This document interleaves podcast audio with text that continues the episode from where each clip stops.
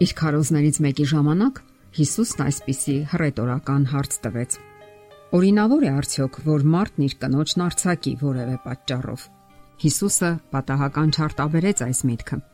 Ամուսնալուծությունը միշտ էլ եղել է եւ մնում է մեր մոլորակի ճարիքը։ Մեր օրերում հատկապես այն ավելի մեծ չափերի է հասնում։ Բաժանվում են թեթևորեն, առանց երկար մտածելու ինչից ուժում են բոլորը, թե բաժանվող կողմերը, թե երեխաները։ Եվ պատահական չէ, որ Աստվածաշունչը բազմիցս անդրադառնում է այդ կարևոր հիմնախնդրին։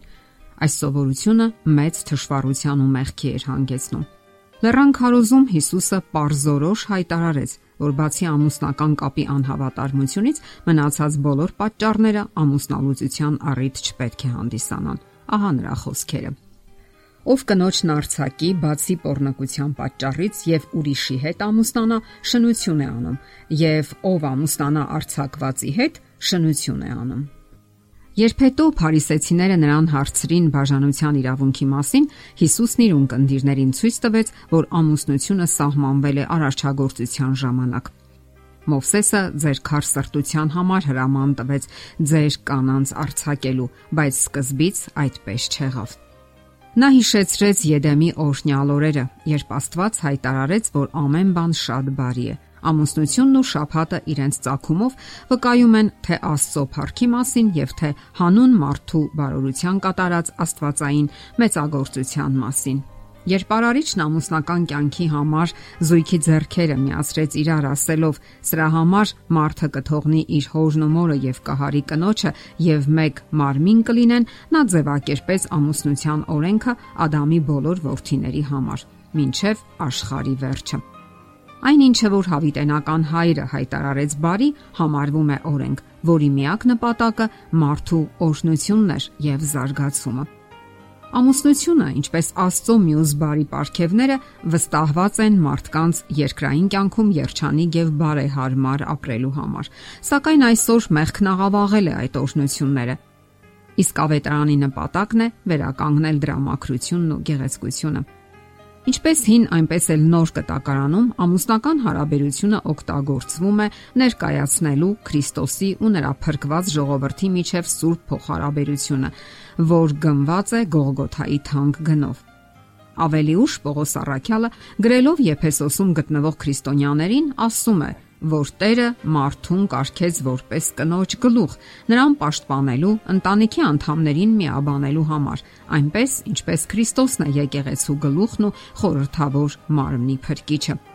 Այդ համեմատությունը այսպես է ներկայացվում. Բայց ինչպես եկեղեցին հնազանդ է լինում Քրիստոսին, այնպես էլ կանայք իրենց մարդկանց ամեն բանի մեջ Մարդիկ, սիրեցեք ձեր կանանց, ինչպես Քրիստոսն էլ սիրեց եկեղեցուն եւ իր անձը մատնեց նրա համար, որ նրան սրբացնի, մաքրելով ջրի ավազանով, խոսքով,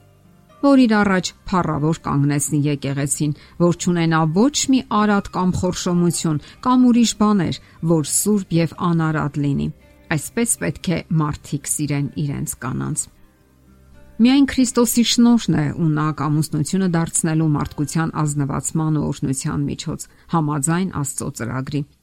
Այդպիսով երկրային ընտանիքները իրենց միությամբ, խաղաղությամբ ու սիրով կարող են ներկայացնել երկնային ընտանիքի պատկերը, եւ քրիստոնեական ընտանիքը կարող է լավագույն ձևով ներկայացնել Աստծո սկզբունքներն ու կանոնները, միմյանց հասկանալու, միմյանց ներելու եւ սիրելու պատրաստակամությունը։ Ամուսինները սովորում են իրենց ողջ կյանքի ընթացքում յուրաքանչյուր օր մի նոր փորձառություն է մարդու կյանքում եւ ամուսնական կյանքում նույնպես։ Եվ կարեւոր է որ չտապալվեք առաջին իսկ դժվարության ժամանակ։ Ինչպես Քրիստոսի օրերում, այնպես էլ մեր ժամանակներում հասարակության վիճակը այս սուրբ միության երկնային իդեալի առումով ցավալի ու տխուր տեսարան է ներկայացնում։ Շատերն ամուսնանում են առանց գիտակցելու այդ կարևոր խորհրդի մեծ իմաստը։ Ընտրությունը երբեմն տևում է ընդամենը ամիսներ։ Ամուսնանում են առանց միմյանց լավ ճանաչելու եւ արդյունքները սпасեցնել չեն տալիս։ Ամուսնությունը, որ կոչված է երջանկություն ու բերկրանք պատճառելու զույգին, հաճախ անօրհնության է վերածվում եւ դառնության ու հիասթափության։ Սակայն նրանք, ովքեր հիասթափություն ու դառնություն են կրել այն սուրբ ընկերակցության ու ուրախության փոխարեն, որին հուսացել են, Քրիստոսի ավետարանում սփոփանք կգտնեն։ Համբերությունն ու հեզությունը, որ Սուրբ Հոգին կտա, կքաղցրացնի դառը ճակատագիրը։ Այն մարդը, որի սրտում ապրում է Քրիստոսը, այնքան կլծվի ու կհագենա նրա սիրով, որ չի համակվի իր վրա ուշադրություն գրավելու եւ իրեն կարեկցել տալու փափագով։ Երբ մարդը հանձնվի Աստծուն, նրա իմաստությունը կկատարի այն, ինչը մարդկային իմաստությունը անկարող է անել։ Այն սրտերը, որոնք մի ժամանակ եղել են անտարբեր ու տարածած, Աստծո շնորհի հայտնությամբ կարող են միանալ ավելի ամուր ու տոկուն սիրո ոսկի կապերով, քան որևէ երկրային կապով։ Այսօր շատ ամուսնություններ դժբախտ են այն པարս պատճառով, որ այդ միության կենտրոնում Քրիստոսը չի բնակվում։ Ամուսինները նաև դժբախտ են այն պատճառով, որովհետև միմյանց մեջ չեն որոնում իրենց սիրո առարկային։ Առաջին իսկ թյուրըմբռնողության դեպքում նրանք սկսում են մեղադրել միմյանց եւ չեն որոնում սեփական սխալներն ու վրիպումները։ Իսկ Աստված խորհուրդ է տալիս ամենից առաջ որոնել ու գտնել սեփական աչքի սեփական գերանը, որpիսի հնարավոր լինի տեսնել դիմացինի մանր զանցանքները։ Անհամեմատ ավելի կարևոր է սեփական սխալներն ու մեղքերը ճանաչելը, գիտակցելն ու դրանք չկրկնելու պատրաստակամությունը։ Այլապես ոչ մի ամուսնական միություն չի կարող կայանալ։ Եթե ուզում եք երջանիկ լինել, ձեր ամուսնության մեջ պետք է տեղ գտնեն հոգևոր սկզբունքները՝ իդեմս Հիսուս Քրիստոսի, ով միայն կարող է առաջնորդել ամուսնական զույգին մեր օրերի դժվարությունների ու հիմնախնդիրների մեջ։ Եթերում է ղողանջ հավերժության հաղորդաշարը։ Ձեզ հետ է Գեղեցիկ Մարտիրոսյանը։ Հարցերի եւ առաջարկությունների համար զանգահարել 033 87 87 87 հեռախոսահամարով։